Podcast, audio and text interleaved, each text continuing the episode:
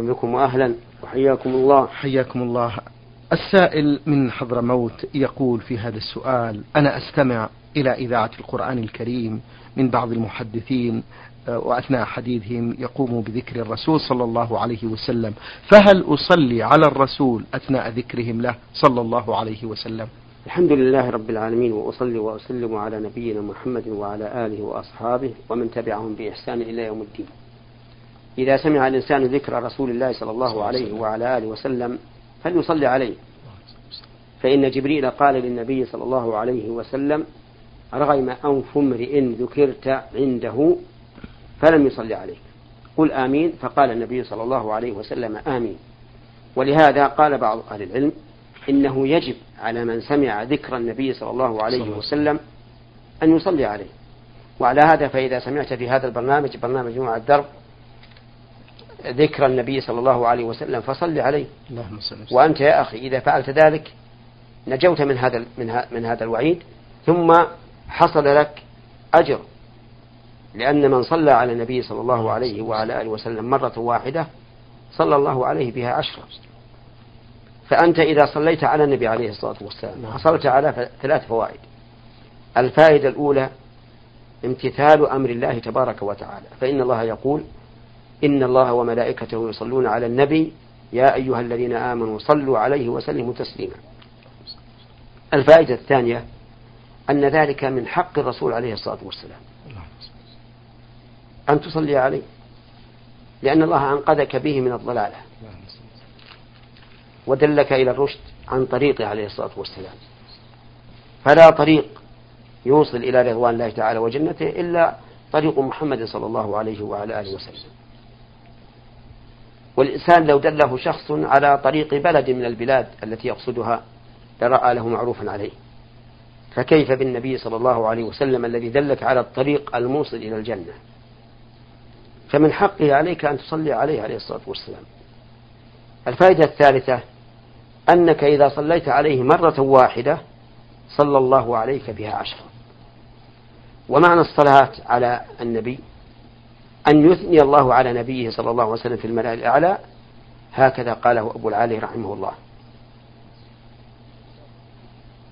فإذا كان هذا معنى الصلاة على النبي صلى الله عليه وعلى معنى الصلاة على معنى الصلاة من الله على النبي صلى الله عليه وعلى آله وسلم فكذلك أنت. يرفع الله تعالى لك الذكر ويصلي عليك يثني عليك عند الملائكة المقربين. هذه نعمة. والحسن بعشر أمثالها ولله الحمد. ولهذا ينبغي للإنسان أن يكثر من الصلاة على النبي صلى الله عليه وسلم في كل وقت وحين نعم. أحسن الله إليكم فضيلة الشيخ. يقول السائل أسمع في الراديو الأذان فهل أردد مع المؤذن الأذان وأدعو بدعاء الأذان بعد سماعي له من الراديو؟ أما إذا كان ينقل الأذان مباشرة فنعم. تابع المؤذن وادعوا بالدعاء المعروف. لعموم قول النبي صلى الله عليه وسلم إذا سمعتم مؤذن فقولوا مثل ما يقول مؤذن.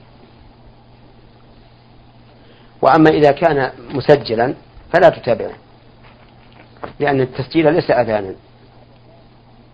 ولهذا لا يجزئ عن الأذان أن يضع الإنسان شريطا في المنارة ويفتح آه، على الأذان فيسمعه الناس. لأن الأذان عبادة لا بد أن يفعلها الإنسان. تعبد لله عز وجل. يدعو بها عباد الله إلى الصلاة. والخلاصة إن كان تسمع الأذان في الراديو من المؤذن مباشرة فتابعه. وإن كان ذلك عن طريق التسجيل فلا تتابعه. نعم. أحسن الله إليكم. هذه السائلة تقول بأنها طالبة في المرحلة الثانوية وفي أيام الامتحانات تقوم البعض من الطالبات بالغش. فماذا تفعل؟ هل تقوم بإخبار المعلمة؟ وهل عليها شيء؟ وإذا عرفنا الطالبات بذلك قد يدعون عليها فهل هذه الدعوة تستجاب؟ نعم. آه، إذا رأى الطالب أو الطالبة من يغش في صالة الامتحان فالواجب أن يرفع أمره إلى المراقبة المراقبة أو المراقب. وإذا لم يجد ذلك شيئا فليرفعه إلى المدير أو المديرة. ولا يحل له السكوت على ذلك لأن الغش من كبائر الذنوب. قال النبي صلى الله عليه وآله وسلم من غش فليس منا. وإذا كان من كبائر الذنوب فهو منكر والنهي عن المنكر واجب. وإذا رفعت الأمر أو رفع الطالب الأمر إلى من يمكنه أن يعاقب على ذلك ثم عوقب هذا الغاش فإن ذلك ليس من ظلمه. يعني ليس ليس مظلوما بهذا بل هو منصور لأن النبي صلى الله عليه وسلم لما قال انصر أخاك ظالما أو مظلوما قالوا يا رسول الله هذا المظلوم فكيف نصر الظالم؟ قال تمنعه من الظلم فذلك نصره. وإذا دعا الغاش على من أخبر عنه فإن دعوته لا تقبل لأنه آثم فيها وظالم. والله تعالى لا يهدي القوم الظالمين. وأخبر سبحانه وتعالى أنه لا يفلح الظالمون فدعاؤه لن يستجاب. أحسن الله إليكم تقول السائلة قرأت حديثا عن الرسول صلى الله عليه وسلم بأن للصائم دعوة لا ترد هل هي في الدنيا أو في الآخرة وإذا دعا الصائم وإذا دعا الصائم بأي شيء هل يستجاب له؟ أولا يجب أن نعلم أن الإنسان إذا دعا الله سبحانه وتعالى بإخلاص وافتقار واعتقاد أنه سبحانه وتعالى قادر على إجابة الدعوة فإن الله سبحانه وتعالى لن يخيب دعاءه فإما أن يستجيب له ما دعا به وإما أن يدخر ذلك عنده يوم القيامة وإما أن يصرف عنه من السوء ما هو أعظم. فداعي الله سبحانه فداعي الله يعني الذي يدعو الله لن يخيب أبدا. بل لا يخلو من واحد من هذه الأمور الثلاثة. فليلح الإنسان بالدعاء وليفتقر إلى الله سبحانه وتعالى في كل شيء وليسأل ربه كل شيء وإن كان شيئا يسيرا. لأن الله تعالى رب كل شيء ومليكه. ولا ولا يستحسر ولا يستحسر إذا دعا فلم يستجب له. بل يعتقد أنه رابح بكل حال. والله تبارك وتعالى قد يمنع عن عبده ما دعا به لرحمة العبد. كما قال الله تعالى وعسى أن تحبوا شيئا وهو شر لكم. والله يعلم وأنتم لا تعلمون. نعم. أحسن الله إليكم. من دولة الإمارات العربية المتحدة من دبي هذه السائلة التي أرسلت بمجموعة من الأسئلة ورمزت لاسمها بها فعين دبي. تقول في هذا السؤال أسأل عن صحة هذه الأحاديث. قال الرسول صلى الله عليه وسلم من قرأ حاميم الدخان في ليلة أصبح يستغفر له سبعون ألف ملك. هذا ضعيف لا يصح. الحديث الثاني قال الرسول صلى الله عليه وسلم من قرأ سورة الواقعة في كل ليلة لم تصبه فاقة أبدا. هذا أيضا ضعيف. وأخيرا تقول قال الرسول صلى الله عليه وسلم من قرأ قل هو الله أحد ألف مرة فقد اشترى نفسه من الله تعالى. وهو أيضا ضعيف. طيب في سؤالها الثاني تقول بأن تذكر يا شيخ محمد ويجب التنبيه طيب شيخ. على أن كثيرا من الأحاديث التي وردت في فضائل بعض السور أو بعض الآيات ضعيفة أو قد تصل إلى حد الوضع. آه، فيجب التنبه لهذا وأن يعرض الإنسان هذه الأحاديث على أهل العلم بالحديث حتى يتبين الصحيح من الضعيف. نعم. جزاكم الله خيرا. السائلة من دبي في سؤالها الثاني. تذكر بأنها اعتمرت قبل ثلاث سنوات ولكن تقول أثناء الطواف والسعي كانت مغطية لوجهها وذلك تقول لحيائها مع علمي بأنه لا يجوز تغطية الوجه أثناء العمرة. فما هو رأي فضيلتكم؟ وهل عليها شيء يا شيخ؟ آه هذه المرأة أصابت في الواقع أصابت الحق في كونها قد غطت وجهها في الطواف والسعي لأن حولها رجال ليسوا من محارمها. فيجب عليها أن تغطي وجهها. فهي مصيبة فيما فعلت. المحرمة يحرم عليها النقاب. وأما تغطية الوجه فإنه واجب فإنها واجبة أعني تغطية الوجه إذا كان حولها رجال من غير محارمها. وإن لم يكن حولها رجال من غير محارمها فكشف الوجه أولى. وقد ذكرت أم المؤمنين عائشة رضي الله عنها أن الرجال إذا مروا منه من منهن قريبا سدلت إحداهن خمارها على وجهها. نعم. تقول السائلة إذا صام الشخص في يوم غير رمضان أو وأكل ناسيا هل يبطل صيامه؟ إذا أكل الصائم ناسيا فإن صيامه صحيح سواء في رمضان أو غير رمضان. لقول الله تبارك وتعالى ربنا لا تؤاخذنا إن نسينا أو أخطأنا. فقال الله تعالى قد فعلت. ولقول الله تبارك ولقول النبي صلى الله عليه وسلم من نسي وهو صائم فأكل أو شرب فليتم صومه فإنما أطعمه الله وسقاه. وأحب أن أزف إلى إخوان المسلمين هذه البشرى وهي أن الله تبارك وتعالى عفى عن كل محرم فعله الإنسان ناسيا أو جاهلا أو مكرها. فقوله تعالى ربنا لا تؤاخذنا إن نسينا وأخطأنا شامل لكل ما يقع فيه الخطأ والنسيان. وقوله تعالى من كفر بالله من بعد إيمانه إلا من أكره وقلبه مطمئن بالإيمان ولكن من شرح بالكفر صدرا فعليهم غضب من الله ولهم عذاب عظيم. هذا في الكفر. إذا أكره الإنسان عليه وقلبه مطمئن بالإيمان فإن الله لا لا يؤاخذه به فما دون الكفر من باب أولى. وقد وردت أحاديث متعددة في سقوط الإثم عمن كان جاهلا أو ناسيا. لو تكلم الإنسان في الصلاة يظن أن الكلام حلال فليس عليه شيء وصلاته صحيحة. لو أكل الإنسان وهو صائم يظن أن الشمس قد غربت وهي لم تغرب فليس عليه شيء. الحمد لله. لو أكل يظن أن الفجر لم يطلع فتبين أنه طالع فليس عليه شيء. كل محرم فعله الإنسان ناسيا أو جاهلا أو مكرها فليس عليه شيء. وهذا من تيسير الله عز وجل. ورحمته بعباده. أما المأمورات فإنه إذا أمكن تدارك الواجب ولو فعل ولو تركه الإنسان ناسيا وجب عليه تداركه. ودليل ذلك أن رجلا صلى في مسجد النبي صلى الله عليه وعلى آله وسلم ولم يطمئن في صلاته فأمره النبي صلى الله عليه وسلم أن يعيد الصلاة.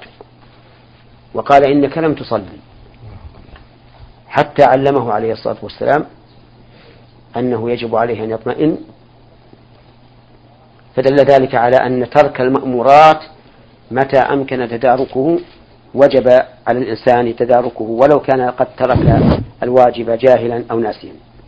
بخلاف المحظورات المحرمات فإن الإنسان إذا فعلها ناسيا أو جاهلا أو مكرها فليس عليه شيء إطلاقا لا في الصلاة ولا في الصيام ولا في الحج. نعم. أحسن الله إليكم فضيلة الشيخ. هل يجوز للمرأة أن تنوي صيام الست من شوال قبل صيام القضاء بحيث تصوم القضاء في شهور أخرى؟ لا. لا ينفعها ذلك. ولا ولا يكون لها أجر من صام السنة. لأن النبي صلى الله عليه وعلى آله وسلم قال من صام رمضان ثم أتبعه ستا من شوال. فقال من صام رمضان والمرأة التي عليها قضاء لم تصم رمضان إنما صامت بعضه فلا بد أن تقع الأيام الستة لمن أراد ثوابها بعد قضاء رمضان كله. وعلى هذا فإذا كانت المرأة أفطرت أيام حيضها سبعة أيام. ثم تأخرت في قضائها حتى انتهى شوال. فإنها تقضيها أي تقضي هذه الأيام ولا تقضي الأيام الستة لأنها أخرت القضاء بلا عذر. أما لو كان لعذر كما لو كانت نفساء أو مريضة أو مسافرة فلها أن تقضي القضاء وتقضي أي أيضا أيام الست من شوال. وقضاؤها أيام الست من شوال على سبيل الاستحباب لأن لأن أصلها ليس بواجب. لكن إذا أرادت. نعم. أحسن الله إليكم. تقول السائلة إذا وقعت نجاسة على الملابس أو الجسم جسم شخص مثلا متوضئ فهل يعيد الوضوء أم يكتفي بغسل المكان الذي تنجس؟ لا يعيد الوضوء إذا تنجس بدنه بعد أن توضأ بل يغسل النجاسة وكفى. لكن لو بال أو تغوط أو خرج منه ريح أو وجد منه ناقض من نواقض الوضوء وجب عليه أن يطهر محل النجاسة ويعيد الوضوء. تستفسر عن الآية الكريمة ذلك أدنى أن يعرفن فلا يؤذين. هذا تعليل لما سبق حيث قال الله تعالى يا أيها النبي قل لأزواجك وبناتك ونساء المؤمنين يدنين عليهن من جلابيبهن ذلك أدنى أن يعرفن فلا يؤذين. يعني أن أنهن إذا أدنين من جلابيبهن عرف أنهن حرائر فلا يحصل من أحد أذية لهم لهن. بخلاف الإماء فإن الإماء ربما يتعرض أحد لأذيتهن نعم. في آخر أسئلة هذه السائلة من دبي السائلة هافا عين تذكر وتقول امرأة أرضعت عدة أشخاص نساء ورجال في سنوات مختلفة مع أبنائها. تقول وكذلك, وكذلك أرضعت أمي فهل هؤلاء الرجال يعتبرون أخوالي؟ يجب أن نعلم أن المرأة إذا أرضعت الطفل أو الطفلة خمس رضعات فأكثر صارت أما لهذا الراضع وصار أولادها من بنين وبنات إخوة له وبناء على هذا فإن هذه المرأة التي أرضعت أم السائلة نعم.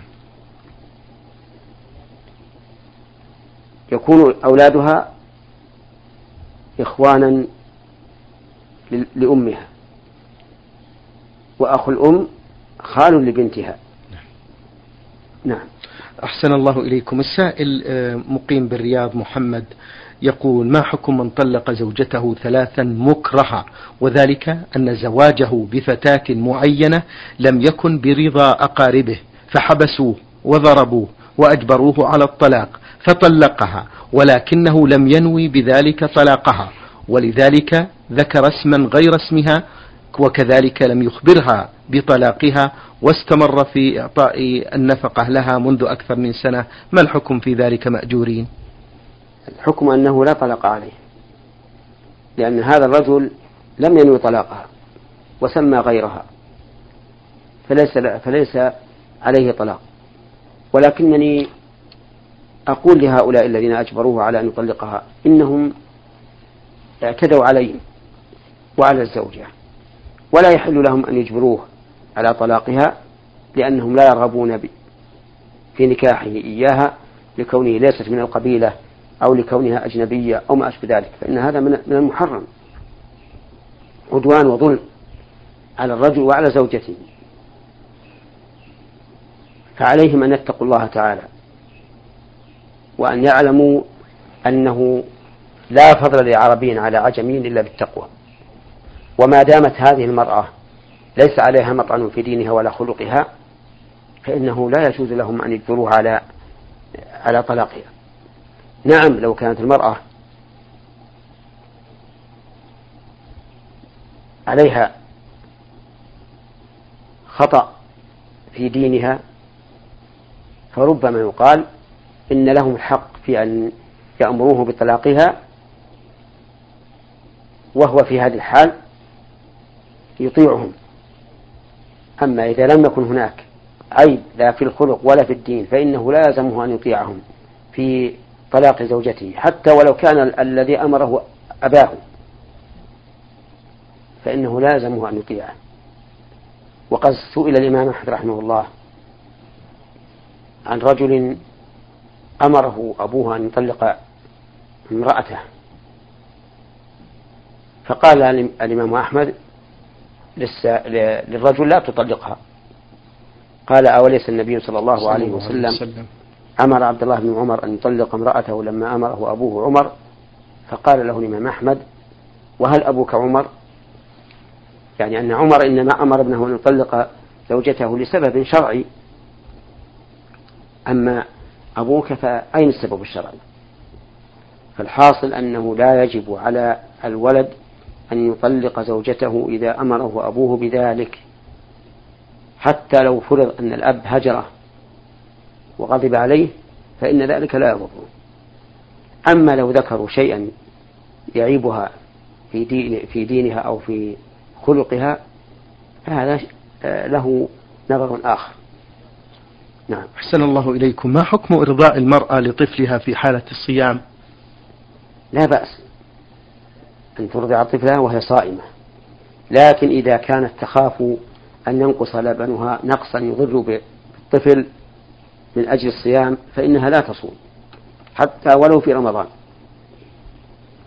أحسن الله إليكم. يقول في آخر أسئلة هذا السائل ما رأيكم في قول من قال بأن عدد ركعات صلاة يوم الجمعة عشرون ركعة ومنها ركعتان تحية الوضوء وركعتان دخول المسجد وأربع ركعات قبل الجمعة وأربع ركعات بعد الجمعة وأربع ركعات سنة الوقت أو ما يسمونه بذلك؟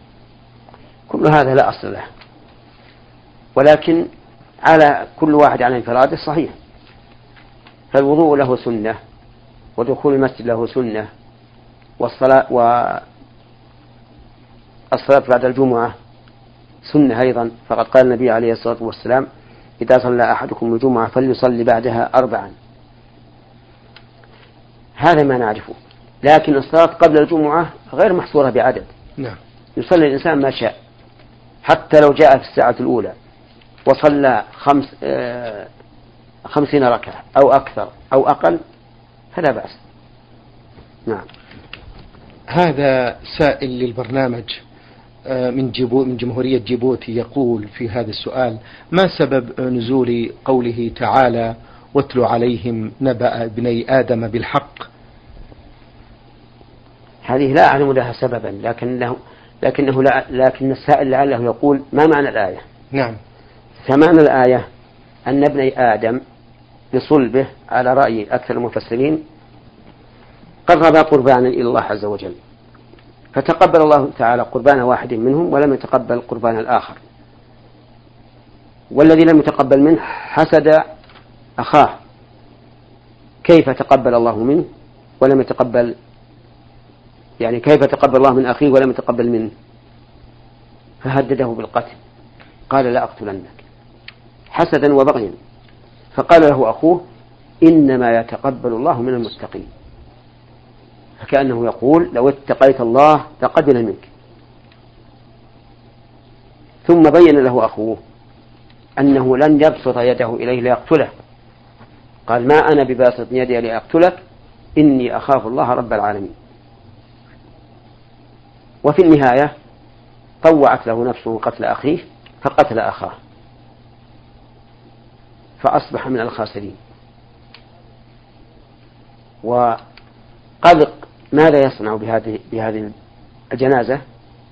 فبعث الله غرابا يبحث في الأرض يحدثها بمنقاره أو بأطفاله من أجل أن يري يريه كيف يدفن أخاه. فقال يا وليت أعجزت أن أكون مثل هذا الغراب فأوالي سوءة أخي فأصبح من النادمين. وأما ما ذكر في الإسرائيليات من أن آدم عليه الصلاة والسلام يأتيه آه، في آه، بنتان في بطن وابنان في بطن وأن ابن هذا البطن يأخذ بنت البطن الآخر وما أشبه ذلك من من الإسرائيليات فهذا لا أصل لا أصل له. يعني في إسرائيليات يقول إن آدم يأتيه ذكر وأنثى في بطن وذكر وأنثى في بطن فالذكر الذي في البطن الأول يأخذ الأنثى التي في البطن الثاني والذكر الذي في البطن الثاني يأخذ الأنثى التي في البطن الأول. هكذا قيل في الإسرائيليات فهذا لا أصل له. شكر الله لكم فضيلة الشيخ وبارك الله فيكم وفي علمكم ونفع بكم المسلمين. أيها الإخوة المستمعون الكرام أجاب عن أسئلتكم فضيلة الشيخ محمد بن صالح بن عثيمين الأستاذ في كلية الشريعة وأصول الدين في القصيم وخطيب وإمام الجامع الكبير في مدينة عنيزة. شكر الله لفضيلته وشكرا لكم أنتم لحسن المتابعة. وفي الختام تقبلوا تحيات زميلي مهندس الصوت سعد عبد العزيز خميس والسلام عليكم ورحمة الله وبركاته. نور على الدرب. برنامج يومي يجيب فيه أصحاب الفضيلة العلماء على أسئلة المستمعين. البرنامج من تقديم وتنفيذ عبد الكريم صالح المقرن